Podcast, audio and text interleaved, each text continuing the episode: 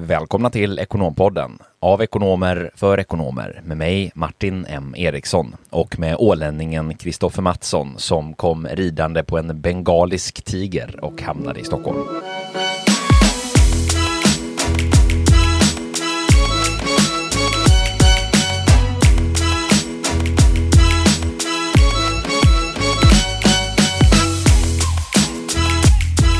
Ja, det gjorde han. Jag var faktiskt helt säker på att du skulle dra något opassande skämt om att det var på en rysk eh, raket eller något liknande. Men det blev en bengalisk tiger alltså. Ja, precis. Det är, det är, visserligen har vi högt i tak och har inga problem att skämta och sådär. Men, men eh, just när det gäller eh, situationen i, i Ukraina och Rysslands agerande så har jag inte mycket till övers för att knappt ens inkludera dem i ett, i ett avsnitt i Ekonompodden. Men vi får se det som att vi inkluderar omvärlden och inte Ryssland.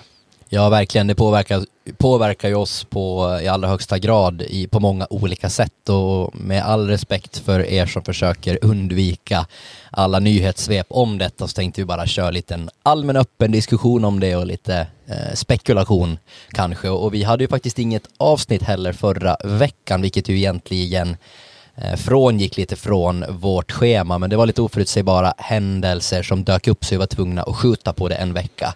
Så hoppas att ni Eh, vad heter det, håller till godo. Verkligen, eh, så är det. Ibland är det oförutsedda omständigheter, men eh, då får man blicka framåt. Hur är läget med dig, Kristoffer?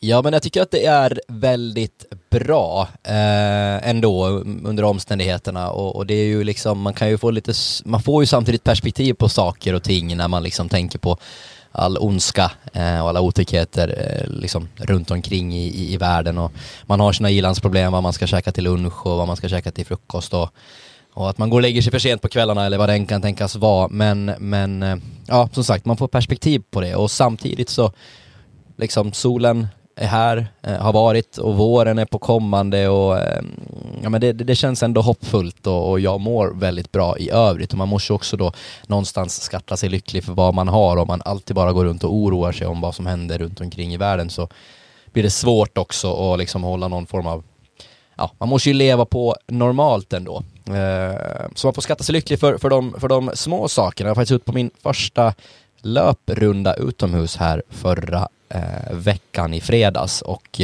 bara det är en, en, en lunchrunda ute längs söder. Eh, solen skiner och man får titta på massa trevliga människor som är runt och promenerar. Fantastiskt härlig känsla. Det är frihet.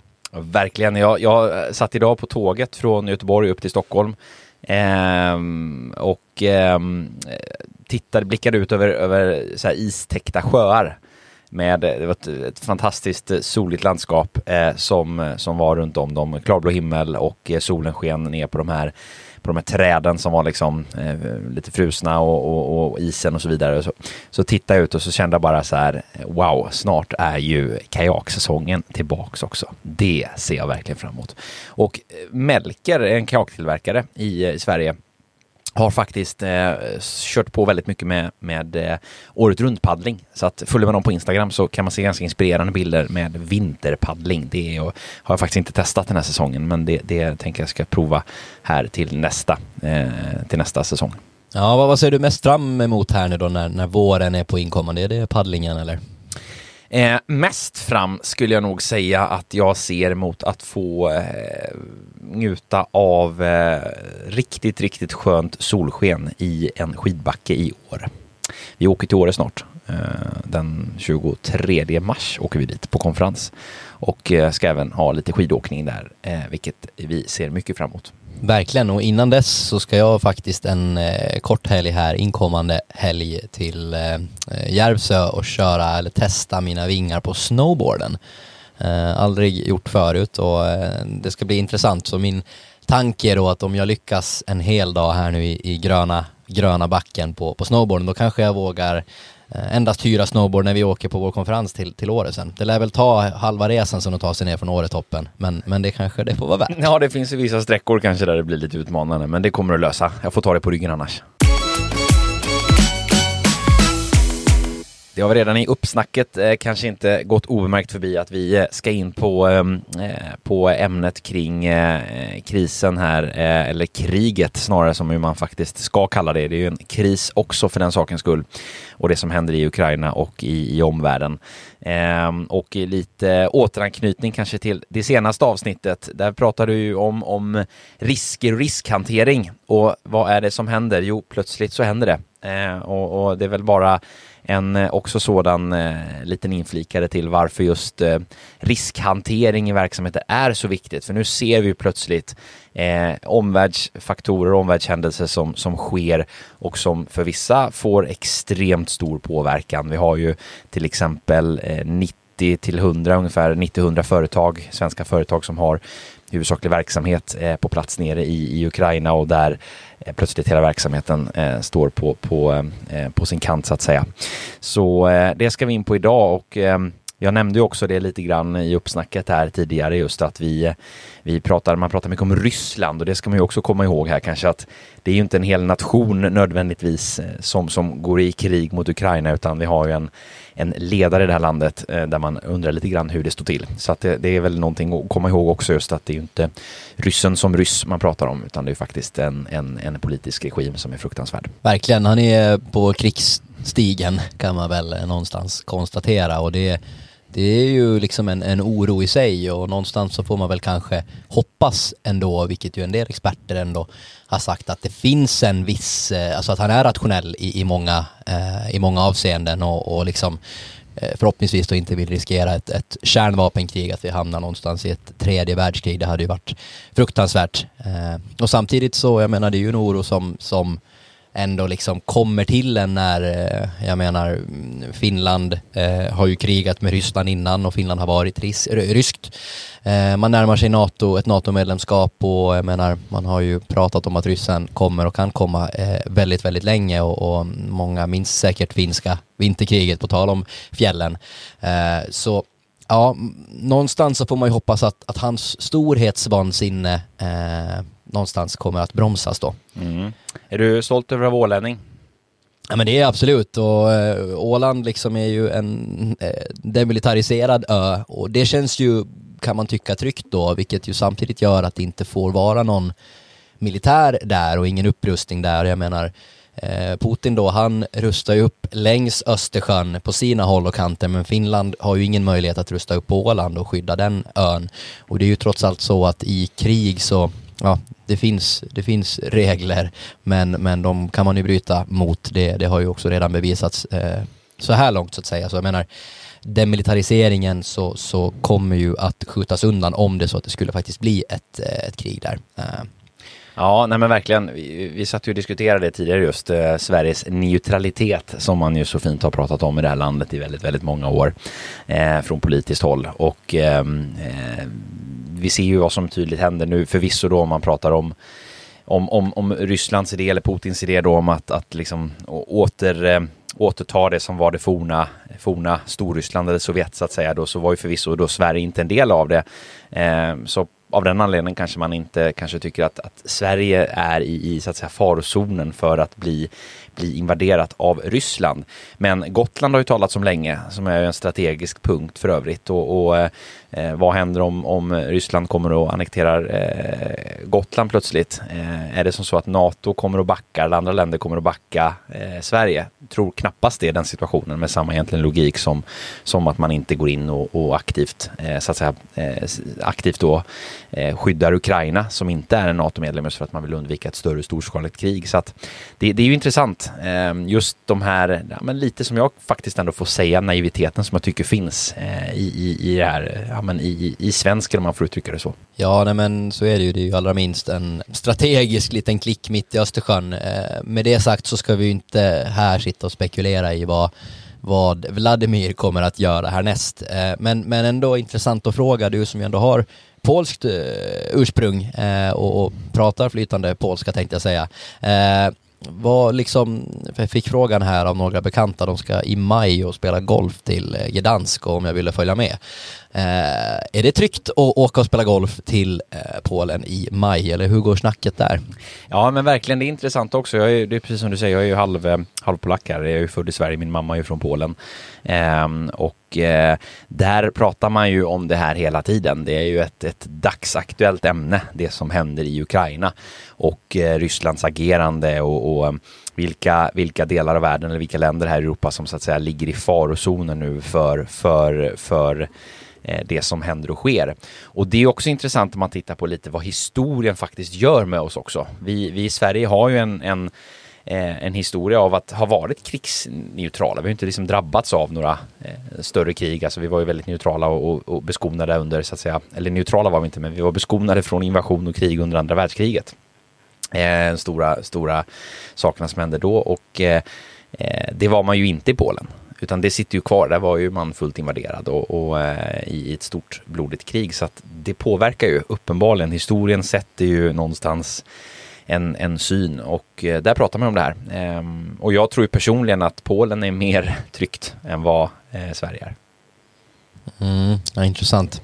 Eh, och ändå, jag skulle bara vilja poängtera ändå vilket, vilket liksom fantastiskt, eller vad fantastiskt den här solidariteten och medmänskligheten är och alla som hjälper till på, på sina håll. Jag läste här några siffror om, det var någon sista helgen i februari här där det var väl en 110-120 miljoner som hade liksom swiss, swiss, swiss, swiss, swissats, swishats från eh, men svenskar då eh, till välgörenhet för att då hjälpa utsatta ehm, eh, barn främst men även andra organisationer och runt omkring i Ukraina då på grund av kriget. Det är ju fantastiskt fint och det finns ju många olika sätt faktiskt att, att hjälpa till. Ja men det, det jag håller med om, det, det vi ser tydligt en solidaritet. Jag är ju är medlem i många olika grupper och, och i många olika ehm, eh, forum och eh, nätverk och där eh, ser man ju otroligt häftiga initiativ alltifrån eh, rena och skära insamlingar med olika typer av eh, projekt för att hjälpa till på plats i, i nere i Ukraina, stötta företag, organisationer, individer liksom de som, som är på flykt och eh, eh med massvis med olika kreativa, man, man liksom, blir nästan så här alldeles rörd av den ändå, både kreativiteten och eh, solidariteten som, som finns i, i sådana här situationer. Verkligen, och jag hade en, en bekant som hade en annan ganska smart idé. Eh, gick in på Airbnb och hyrde ett rum då i eh, Ukraina någonstans och liksom la då datumen ganska nära i tiden. Eh, och lämnade sen ett meddelande i Google Translate liksom att ja, men, vi kommer inte att och bo här men de får ju betalningen direkt samtidigt oberoende liksom. Så, så ja, men det finns många, många härliga Eh, initiativ och insamlingar, olika hjälporganisationer. Jag hörde här av vår kollega Rebecka som, som erbjudit sig eh, och, och de har en liten, ja, men ett, ett sovrum över då, liksom att, att man ska kunna övernatta där då om det är så att man kommer som, som flykting till Sverige istället för att sova på, på T-centralen så, så kan de erbjuda eh, sovplats för, för en moder med ett barn till exempel och det är ju helt fantastiskt fint att man faktiskt gör det man kan. Ja, nej men definitivt. Så det ser vi en, en, en tydlig ändå stark solidaritet och eh, samtidigt man blir ju rörd ändå av den här olikheten i hur stort och fort någonting ändå kan påverkas. Eh, jag tänker vi har en erfarenhet nu från covid, eh, när covid kom som ju ändå var en, det är ju två år sedan här nu som, som covid-krisen eh, började. Och eh, där har vi en erfarenhet från att ha hanterat det. Eh, det har fått en påverkan på individer, människor, organisationer och vi klarar oss igenom det. Och det är också någonting som kan komma ganska så snabbt. Jag tänker på de här bolagen. Jag har ju en vän till mig som driver eh, ett av de största IT-företagen på plats nere i, i Ukraina. Och eh, där har det ju plötsligt då, eh, ja, från nästan en dag till en annan eh, fått helt förändrade spelregler. Eh, han var ju väldigt lugn precis innan, eh, innan man gick in så att säga och tänkte att ja, men det här kommer inte att, att, att drabba så hårt och, och, sen så kom det med full kraft. Och hur fort det kan gå. Eh, samtidigt så, så, på något sätt så är vi människor, vi, vi klarar av det men vi ska komma in lite på det senare just med psykologiska och mentala utmaningar i det också. Ja, verkligen, fort går det. Jag minns att senaste avsnittet vi spelade in, då pratade vi om att nu kanske det snart händer, eh, strax efter att OS var slut. Och nu sitter vi här och det har hänt och det har pågått under ja, eh, par veckors, eller drygt par veckors tid. Drygt par veckors tid ja. Precis. På tal om dock corona, det kan vi ju dock konstatera eh, som ett eh, så sånärt avslutat kapitel. Jag förstod att man skulle eh, från och med första april nu så, så kommer eh, corona då inte att klassas som en eh, samhällelig sjukdom längre, eller samhällsfarlig sjukdom. Nej, precis, det stämmer. Det är, när eh, kriget i Ukraina kom så räcker ju inte utrymmet till och plötsligt så pratar man inte om covid längre. Så nu kan vi börja kramas och pussas igen, det är väl Ja. fantastiskt härligt. Ja, och det inleder oss in lite också på det här eh, faktiskt eh, med vad det är man matas med i nyhetsforum. Vi ska komma in på lite ändå nyhetsuppdateringar och, och, och effekter som det här får på företag och individer och sådär. Men, men just ändå intressant med vad man matar huvudet med. Eh, det har ju varit liksom en, en ständig matning med det här och plötsligt så pratar man ingenting alls om det här utan det finns andra saker att prata om. Ja, ja, det är verkligen, verkligen. Ja, men vad, eh, vad har det här för påverkan då på, på oss och de runt omkring oss, länder, ekonomi, företag? Vad, vad kan man säga sådär i stora generella drag?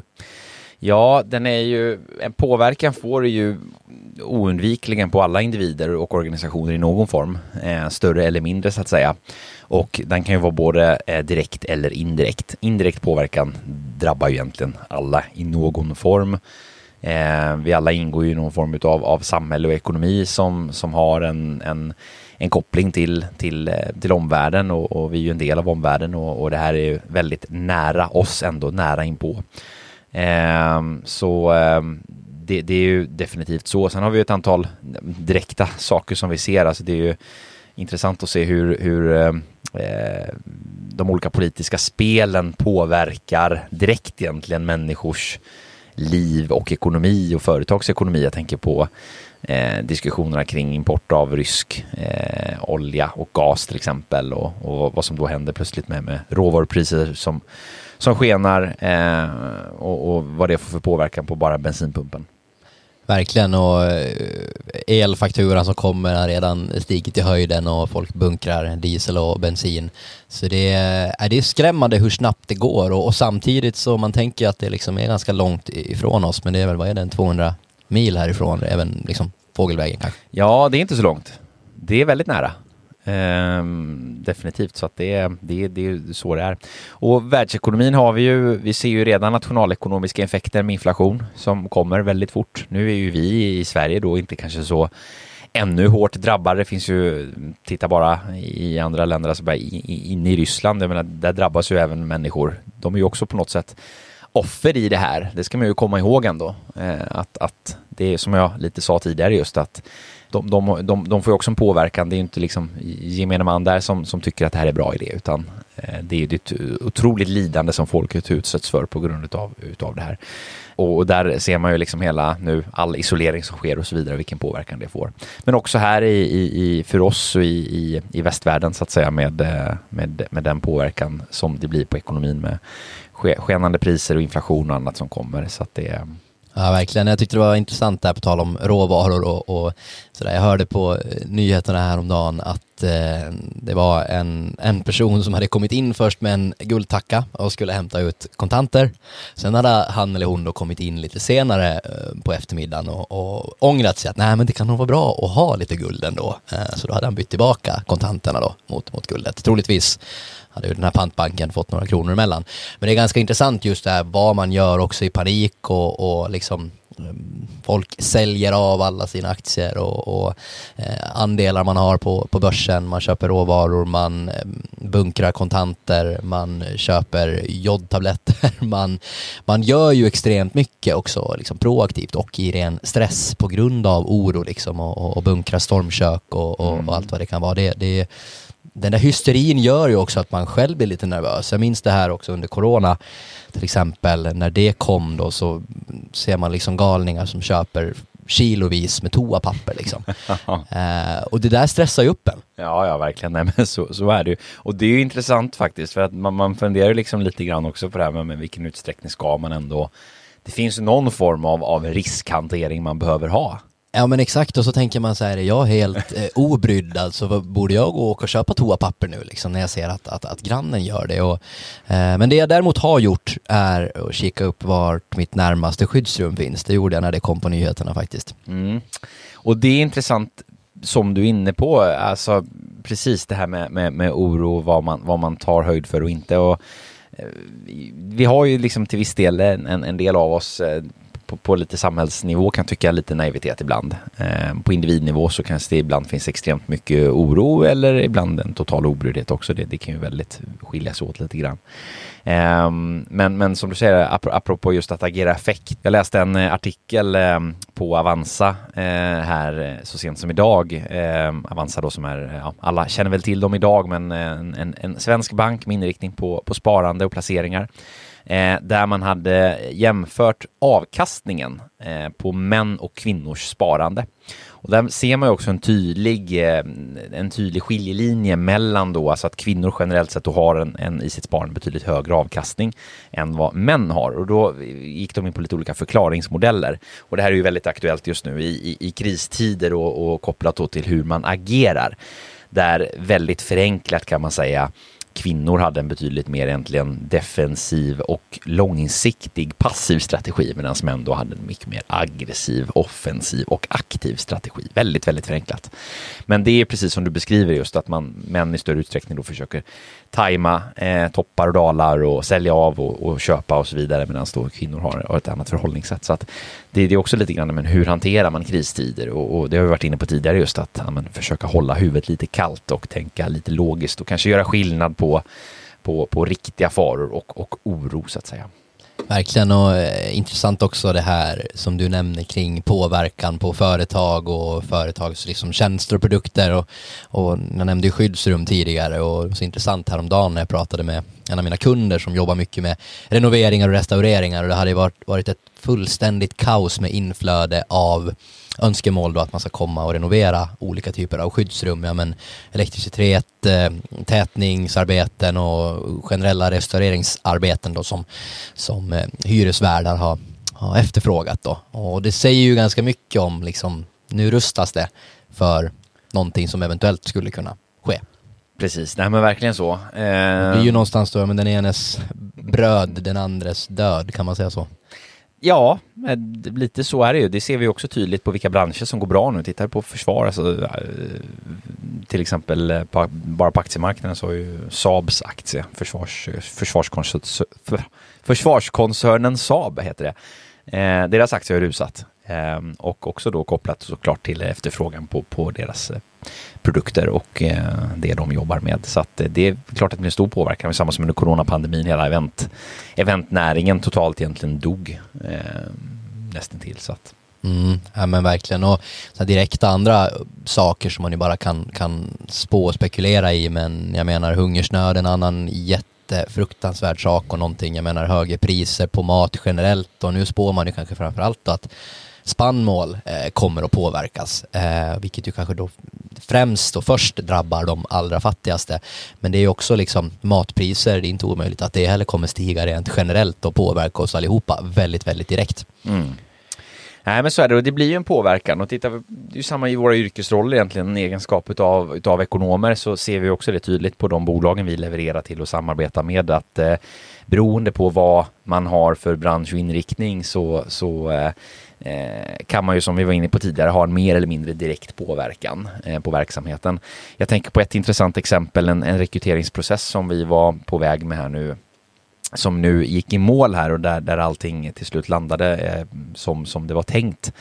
Men där då eh, den här kandidaten i fråga som var uppe och aktiv i den här rekryteringsprocessen då själv hade påbrå från Ukraina och hade släkt på plats där nere. Det var ju också en sån incident som då plötsligt hände att ja, men då vart det ett avbrott i den här processen för att eh, kandidaten i fråga visste ju helt enkelt inte vad som skulle hända och ske. Och, eh, och då eh, vart det liksom paus i, i rekryteringen och eh, det var inte säkert att det skulle komma i mål ifall det då det skulle kunna vara en faktor. Så att bara där ser man det, det är ju liksom någonting som man kanske inte ens alls hade tänkt på, men, men där det ändå blir en påverkan. Verkligen och eh, så här mellanmänskliga relationer i grupper i olika liksom, omställningar på olika, i olika organisationer. Jag hade ett faktiskt exempel här där det var en ny rekrytering av en, av en person med ryskt påbrå eh, som kom in i en grupp där det redan fanns en, en person med ryskt påbrå.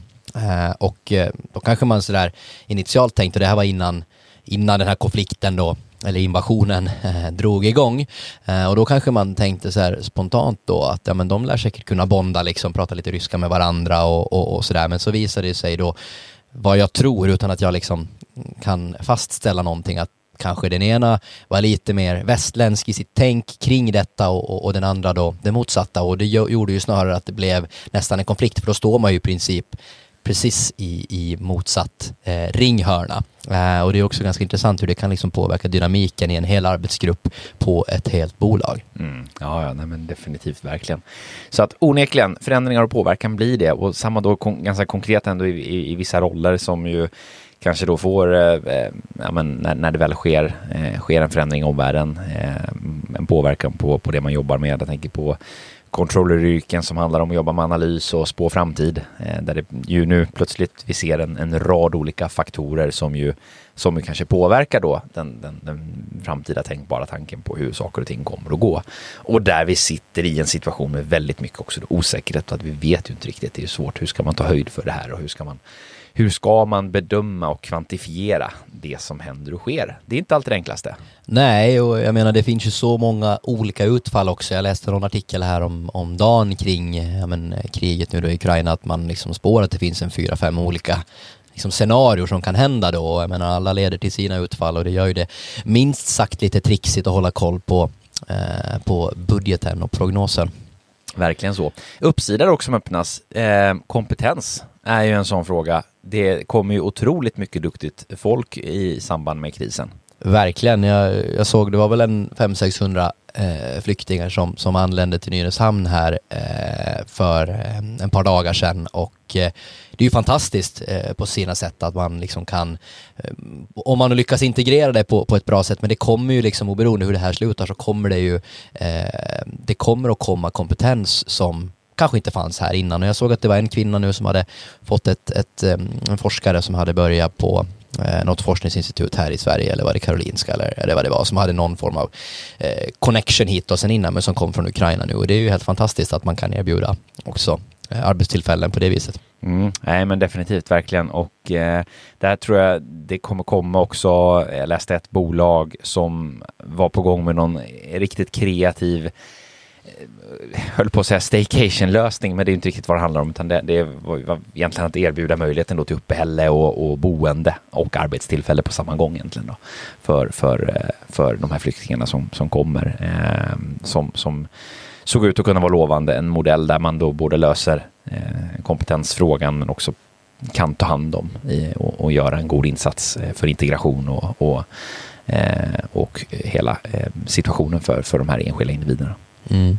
Historiskt har ju också då språk varit en, en, eh, ja, en svårighet kanske när man pratar om integration. Nu bara kom jag på en grej här. Jag såg ett nyhetsklipp här om Dan, en jättesmart uppfinning faktiskt som, som jag tror väldigt mycket på. Men det var typ som en mikrofon eh, och så pratar du då ditt liksom modersmål, men du säger hej jag heter Martin och så då ställer den in det språket du väljer liksom. Det fanns 36 eller 40 olika världsspråk i den här manicken. Då. Hur låter det i dina öron då? Hej, jag heter Martin.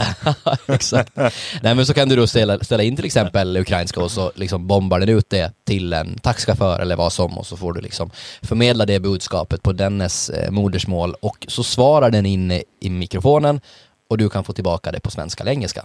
Väldigt smart. Den är, det är liksom en utveckling av Google Translate med, eh, med eh, vad heter det, högtalarfunktionen. Man kan ju göra något liknande med Google Translate, fast då får du tala in det först och så spelas det upp sen då. Exakt. Så inte så revolutionerande egentligen, det här finns ju idag, men ganska coolt att se den på stan då som man säger. Ja, men det är ju så att vare sig vi vill eller inte, när, när förändringar påtvingas i någon form så förändrar det ju.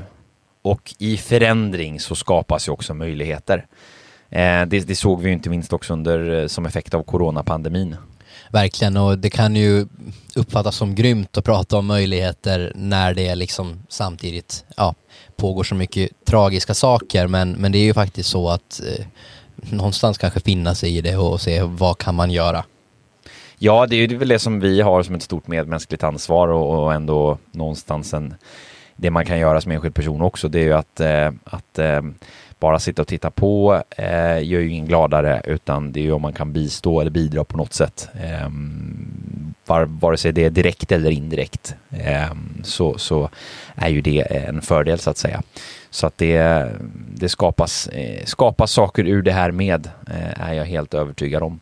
Du, hur ska man eh, förhålla sig då till eh, liksom, den oron, vi pratade lite om oro tidigare, alltså, hur hanterar man kristider, oro, hur sorterar man allt det här? Och jag menar, man har kanske bekanta, man har grejer på jobbet, man har barn hemma, eh, man har en pojkvän eller flickvän som inte kanske reagerar så som du gör i hemmet och nyheterna är på. Det blir, liksom, det blir svårt att också undvika den exponeringen du får mot alla grymheter samtidigt som det kanske är bra att få en, en känsla av vad det är som, som händer. Hur, hur ska man tackla det här? Ja, du är lite inne på det tidigare just. Det finns någon form av lagom dos kan jag tycka i allting. Alltså vad är det vi, vi vad är det vi får till oss och vad gör vi med det? Um, det blir ju liksom en, en nyhetsrapportering som blir i viss utsträckning man väljer själv vad man tar in. Det finns ett, ett talesätt som säger att ett fartyg sjunker inte av, av vattnet eh, runt omkring det utan det sjunker av vattnet det tar in. Och det är ju, tycker jag, en ganska intressant billig beskrivning också. Lite grann det är samma som här. Vad, vad låter vi det som händer i omvärlden göra med oss som individer? Någonstans är det ju faktiskt så att vi kan ju inte alltid påverka det som händer och sker. Eh, runt omkring oss, utan saker händer och sker runt omkring oss. Men vi kan ju välja hur vi ska förhålla oss till det. Eh, den möjligheten har vi alla. Och eh, det är väl en, en sådan sak just att man, vad, vad matar vi huvudet med och, och sätta kanske någon form av, av begränsning i det. Och sen tycker jag väl att försöka göra lite skillnad på vad är, vad är oro som, som vi skapar och vad är faktiskt reella faror som vi kan, kan så att säga eh, föregå eller, eller så att säga hantera. Eh, och, och göra lite distinktion, skillnad däremellan. Eh, vad, vad, är en orostanke och vad är en, en, en riktig reell fara? Och någonstans också de här tankarna jag har eller oron jag har i min kropp, att, att ta vara på och hantera den och låta den få utrymme på, på, rätt, på rätt sätt så att säga. Alla människor hanterar ju det här på olika sätt. Vissa har behov av att prata om det, andra har behov av att, att röra på sig och, och, träna och en tredje har ett annat sätt. Det, det, spelar inte så stor roll om det är ett krig som pågår eller om det är något annat fruktansvärt som händer i livet. Så, så är ju individer olika så att säga och det finns mycket, mycket hjälp att få. Men, men där någonstans ändå att eh, eh, att, att, att, hantera den oron och eh, ja, men ändå göra någonting gott utav det. Mm. Och kanske i dessa tider eh, säger jag, men, men eh, kanske ännu större eller ännu viktigare att man, som vi har kanske nämnt någon gång tidigare också, man vet aldrig varför eller hur en annan person agerar när du säger eller gör eller när någonting händer och, och, kanske nu så, så finns det så många fler dimensioner i det här. Man vet aldrig liksom någon är vreslig på morgonen när man kommer in till kontoret, någon är kort på mail, någon är kort över telefon. Man, man, man, det finns en ännu större respekt för att man vet inte om någon har blivit jätte, jätte påverkad av detta eller bara känner en enorm extrem oro kring detta och det kan ju faktiskt göra att det påverkar de mellanmänskliga relationerna också. Så det kan man ju ha en en respekt för och tänka till om också att det kanske är ännu viktigare eh, i, i tider av kris så att säga. Mm, nej men verkligen och eh, livet, jag brukar säga det, livet, livet är väl lite som en, en börskurva. Det är en jäkligt hög volatilitet och ibland går det upp och ibland går det ner och, och förhoppningsvis är den långsiktiga trenden någonstans eh, god, eh, tänker jag. Vi alla förr eller senare dör och eh, vi förhoppningsvis fyller livet med eh, lycka och glädje i någon form, även om vi inte gör det alla år eller hela tiden konstant. Så att eh, eh solen går upp imorgon också. Eh, så det är väl en, en, aspekt av det också, att vi har tuffa tider att ta oss igenom och, och på olika sätt, men just någonstans ändå att eh, tiden läker alla sår om man låter såren få tid att läka. Ja, det var en, en fin slutkläm tycker jag och med, med det kanske vi summerar dagens lite allvarliga och, ja, allvarliga och tråkiga avsnitt. Eh, och eh, ja, men hälsa väl varmt till alla som lyssnar och var rädda om er och, och allt sådant så kanske det här eländet tar eller har sitt slut inom kort så hörs vi igen om två veckor. Ha det gott! Hej! Hej!